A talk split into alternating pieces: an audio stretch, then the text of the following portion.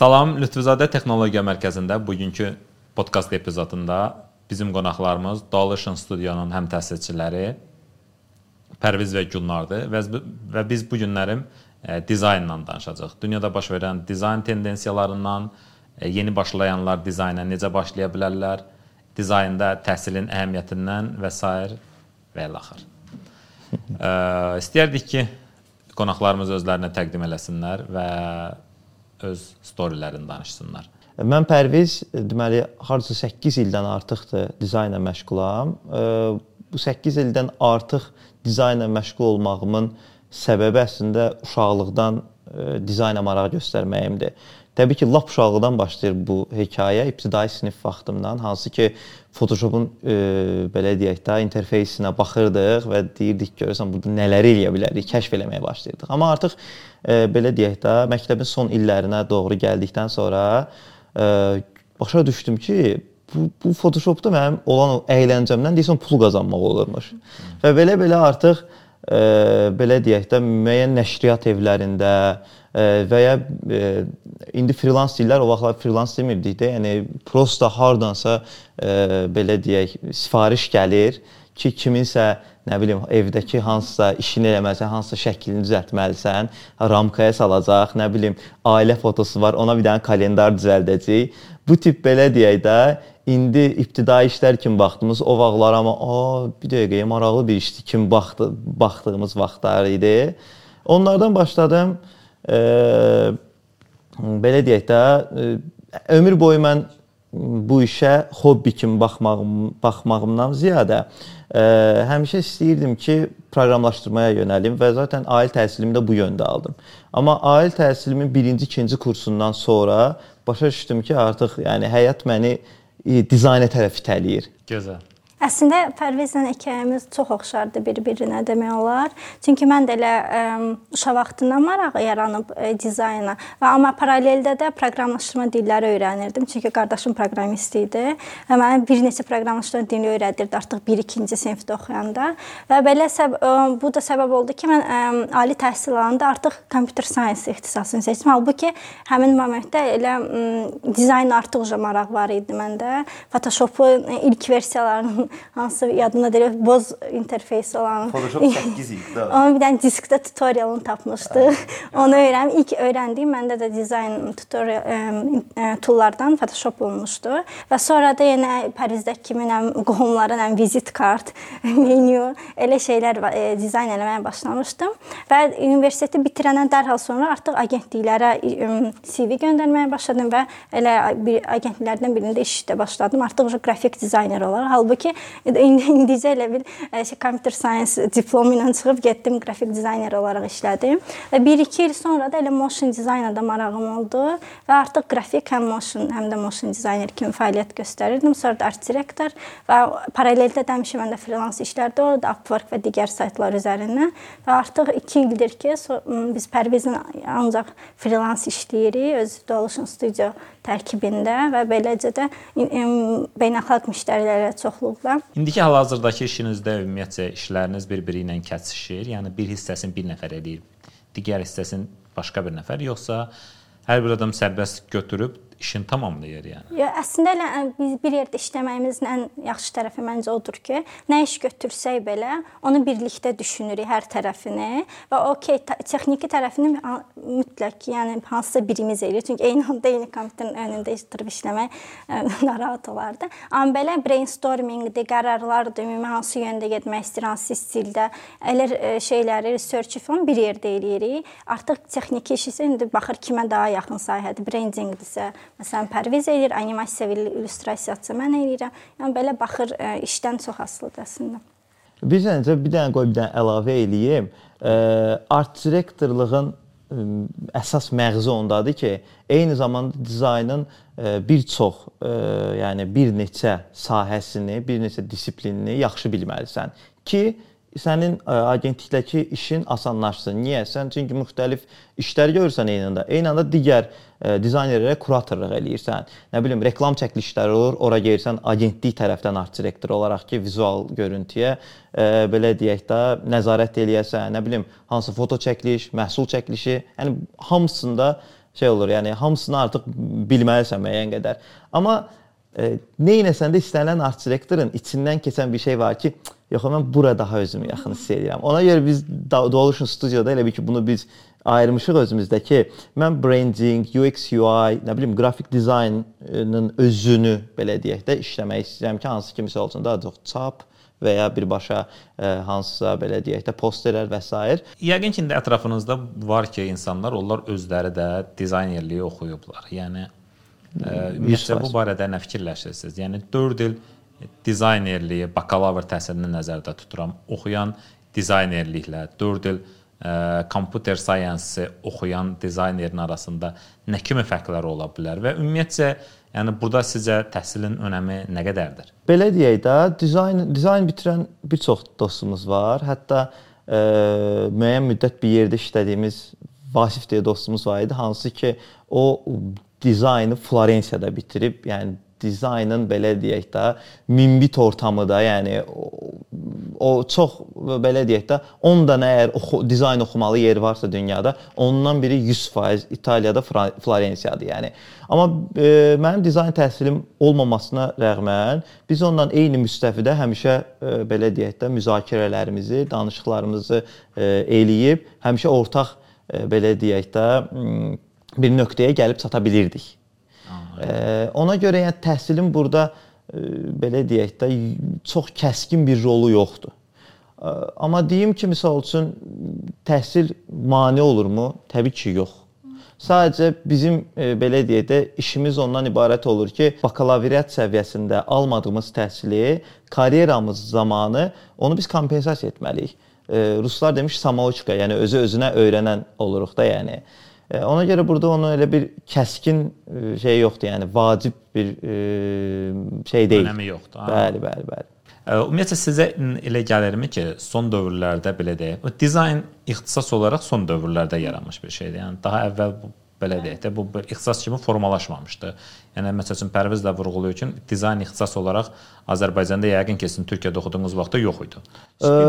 Yox, var, var idi, var idi. Çünki İncəsənət Universitetində var idi, qrafik dizayn olaraq. Amma yəni təhsil səviyyəsindən ə, çox da razı dostlarım yoxdur açığı. Hə, hə. çox da razı yoxdur. Bəli, bəli, o tərəfi var. Amma belə deyək də tarixçi olaraq baxanda, insanlıq tarixçəsi olaraq baxanda dizayn yeni yeni bir işdir. Amma belə yəni e, bir insan ömrü e, timeline-ında baxanda o qədər yeni deyil. Çünki ha. yəni 1900-lərdə e, əsasən başlamış bir axın. Təbii ki, onun şeyi var, keçmişi var, background-u var, onu demirəm. Təbii ki, o hey belə yəni axıra getsə, yəni Qobustandakı üstündəki daşdan, daşda çəkilən şeylərə qədər gedərik, yəni, hə. Amma yəni əsasən e, qrafik dizayn və qrafik dizaynın törəmələri e, marketinqin bir aləti olaraq 1900-cü 1900-cü illərdə şey elib də, yəni e, 1920, 30, 40 hə, bu, bu bunlarda artıq yəni 50-lərdə artıq yəni tamamilə yəni reklam sahəsi ilə e, öz aktivliyini göstərib də, yəni Ogilvilər və s. reklam agentlikləri yaranan vaxtlar. Proqramlaşdırma barəsində mən proqramist olduğuma görə ə, e, bu kurslardan falan xəbərim var. Yəni Azərbaycanda məsəl üçün bizim özün necə dəyərləndirirsən məsəl üçün? İndiki Azərbaycan bazarını və qlobal bazarı nəzərə aldıqda və ümumiyyətlə bu kompüter science öyrədən təşkilatlar, şirkətlər, kurslar və bu kurikulumlara baxdıqda kəskin bir fərq görmürəm. Yəni mən fikirləşirəm ki, məsəl üçün bu günlərim Azərbaycanda ə, full stack development bir il ətrafında bir müddətə öyrədilir. Əksər kurslar tərəfindən. Hansı kurslarda ə, belə deyək, yəni international şirkətlərdir. Tutaq ki, Kod Akademiya olsun, Stepbyte Akademiya olsun. Onlar bir il ətrafında müddətdə öyrədirlər bu kodu.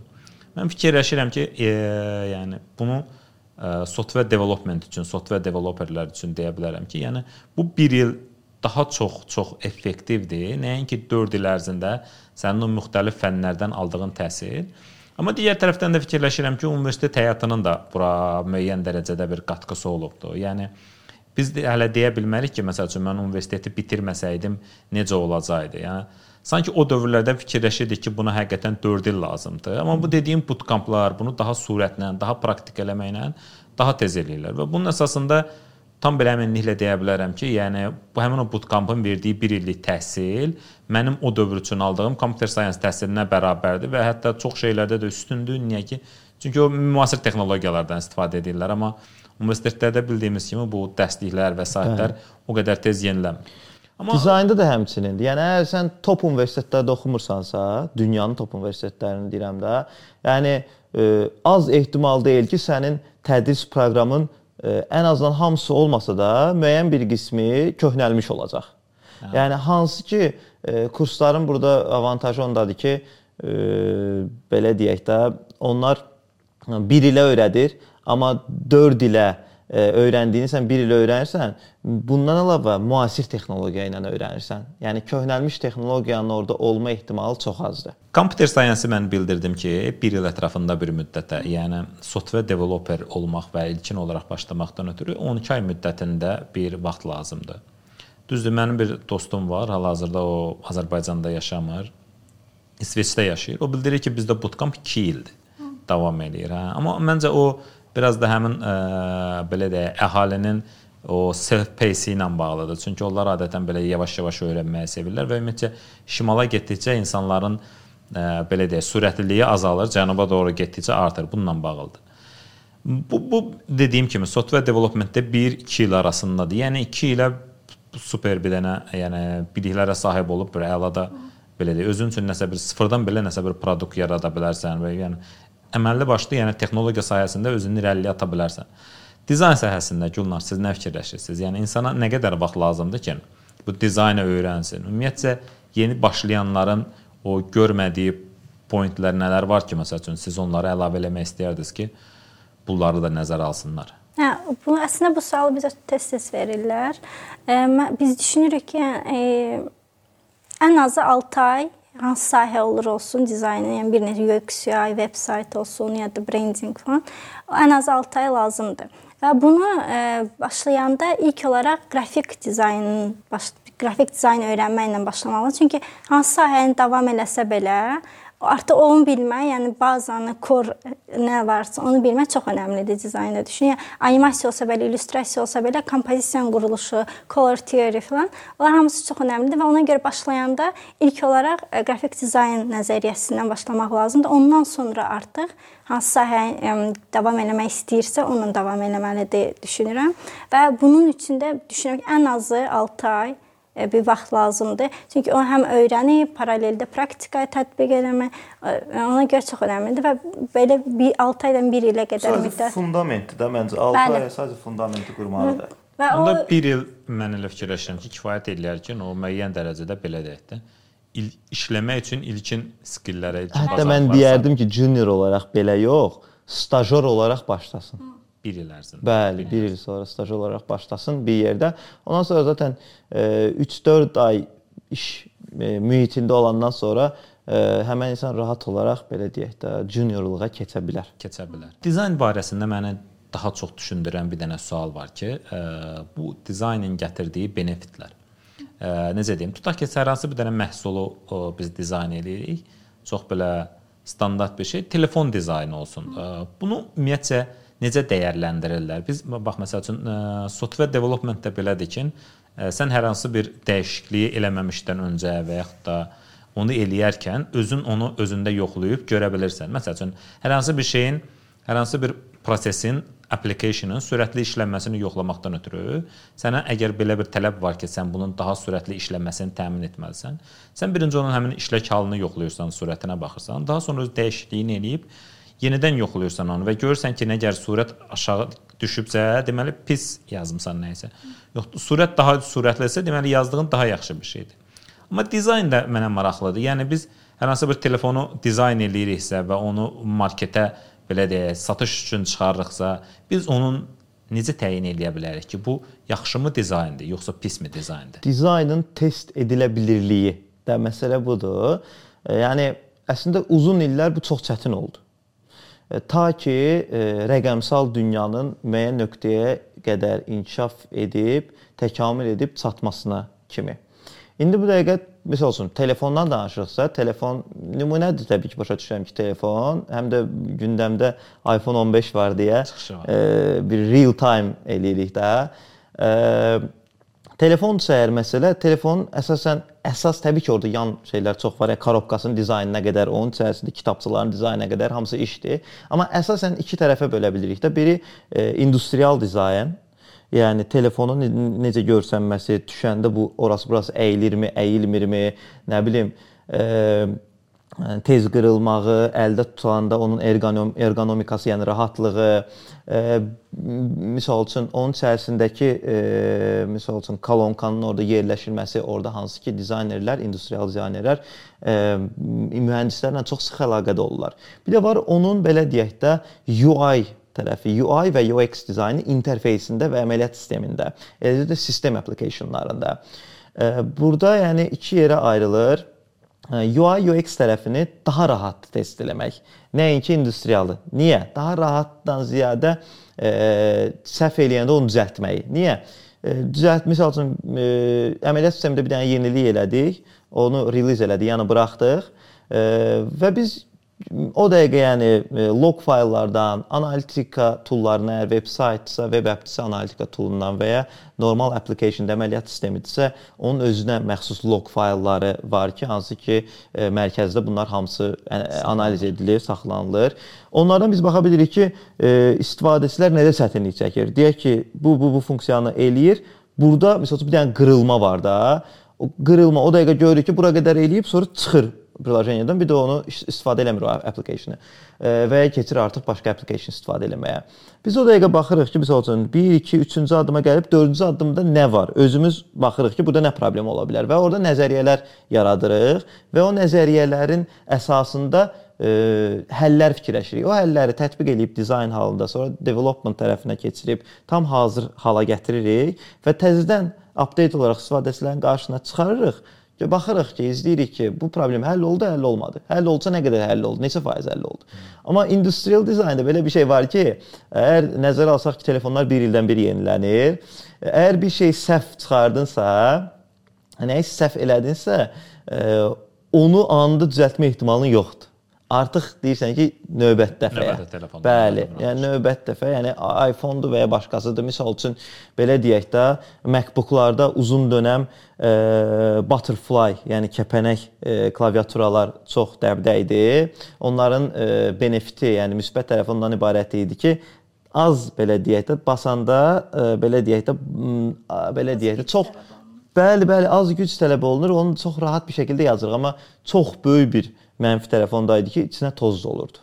Və toz dolurdu, klaviatura işləməməyə başlayırdı, basılı qalırdı. Elə problem var idi. Və Apple e, belə deyək də, məncə dünya dizayn tarixinə düşəcək bir hekayəni həyata keçirdi. Hansı ki, yanılmıramsa 4 il 2016, 17, 18, 3 il. 3 dənə e, versiyada e, loru dildə desək dirəşdi ki, yox, bu yaxşıdır hər dəfə hər versiyada biraz yaxşılaşdırır, hər versiyada biraz yaxşılaşdırırdı. 2019-da dedi ki, yox. 2019-da başa düşdü ki, yox, bu qədər dirəşməyin mənası yoxdur. İnsanlar artıq isyan eləyir. Artıq yəni Apple-a qarşı qərəzli düşüncələr yaranır da. Yəni artıq insanlar keçmək istəyir digər kom kompüter markalarına və e, məcbur oldu 2015-də elədiyi e, belə deyək də klaviatur texnologiyasını qaytarsın. Hə, onu biraz inkişaf elətdirdi, amma ümumilikdə baxanda əsasən həmən texnologiya idi, hansı ki 2015-də tətbiq olunurdu. Yəni bu dizayn feillərindən biridir. Təbii ki, burada mühəndislik tərəfləri də var, amma industrial design tərəfi məncə biraz daha artıqdır. O nəzərə alınmalı idi. Ergonomika, istifadə təcrübəsi falan baxımından nəzərə alınmalı idi.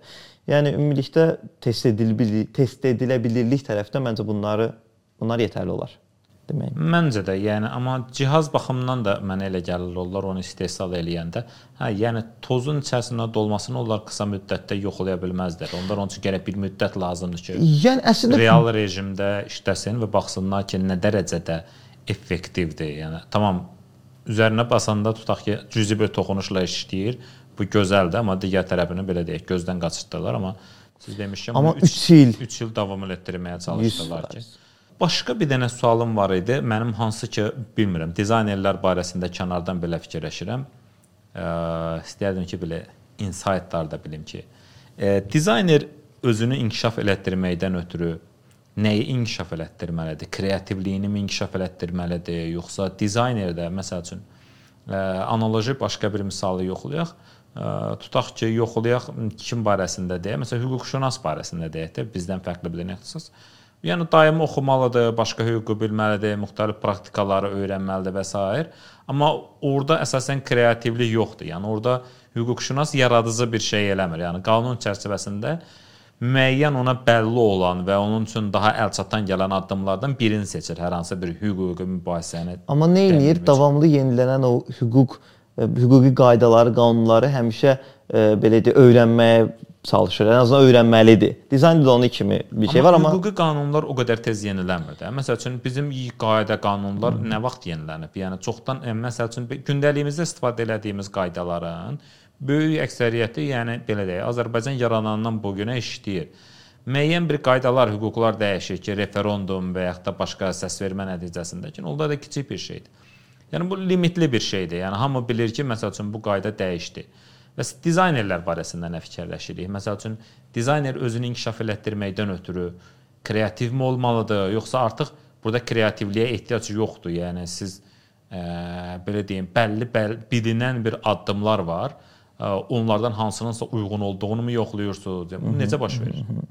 Mən düşünürəm ki, bu dizaynerlər üçün göz zövqünü formalaşdırmaq çox əhəmiylidir və bunun üçün də yəni əslində e, sadə bir addımdır, amma bunu davamlı elə mütəmadi eləmək lazım və nə etmək lazımdır? İzləmək lazımdır. Digərləri nə edir, tendensiyalar necədir? Qısa müddətli trendlər yox, təbii ki, onlar da əhəmilidir. Baş məkineyiminə belə bir stil və üslub ə, e, trend olur, amma ümumi tendensiya hansı tərəfə gedir və onu necə istifadə etmək olar? E, növbəti dizayn layihədə falan bunu e, formalaşdır, yəni göz zövqünü formalaşdırmaq üçün bu çox əhəmilidir. Digərlərini izləmək, məlumatlı olmaq ki, e, hal-hazırda dünyada nələr baş verir və hansı stillər əhəmilidir istifadə etmək və nə üçün əhəmilidir. Bu ona görə göz zövqü çox əhəmilidir. Bir də ki, dünyanı öyrənməlidir. Nə mənada? Yaşadığı dünyanı, yaşadığı dünyada baş verən şeyləri, hətta dünya ötəsi bəzi şeyləri, yəni belə deyək də e, filmlər çəkilir, nə bilim e, xəbərlərdə müəyyən bir görürük ki, bir tendensiya var, bir trend var, bir belə deyək də dünyada nəsə maraqlı qeyri-adi bir şey baş verib. Bunlardan hamısından xəbərdar olması onun belə deyək də kreativlik baqajına bir e, müsbət bir amildir. E, xüsusilə əgər siz e, belə deyək də e, reklam agentliyində işləyirsinizsə və ya reklam məqsədli commercial dizayn eləyirsinizsə, burada birmənalı olaraq dünyanı tanımalısınız ki, dünyada olan şeylərə uyğun adaptasiya olasınız. Və bəzən biz dizayn elədiyimiz vaxt, məsələn deyək ki, brendinq dizayn eləyirik, düzdürmü? Orda hansısa sənət əsərinə, deyək ki, Van Goghun hansısa sənət əsərinə göndərmə eləyə bilirik və ya e, dünyada olan hansısa bir tendensiyaya orada göndərmə eləyə bilirik. Yəni bu kimi bir şey. Məsəl üçün siz e, kino posteri dizayn edirsiniz, kinoları çox yaxşı tanımalısınız. Kinoların tarixçəsini yaxşı bilməlisiniz.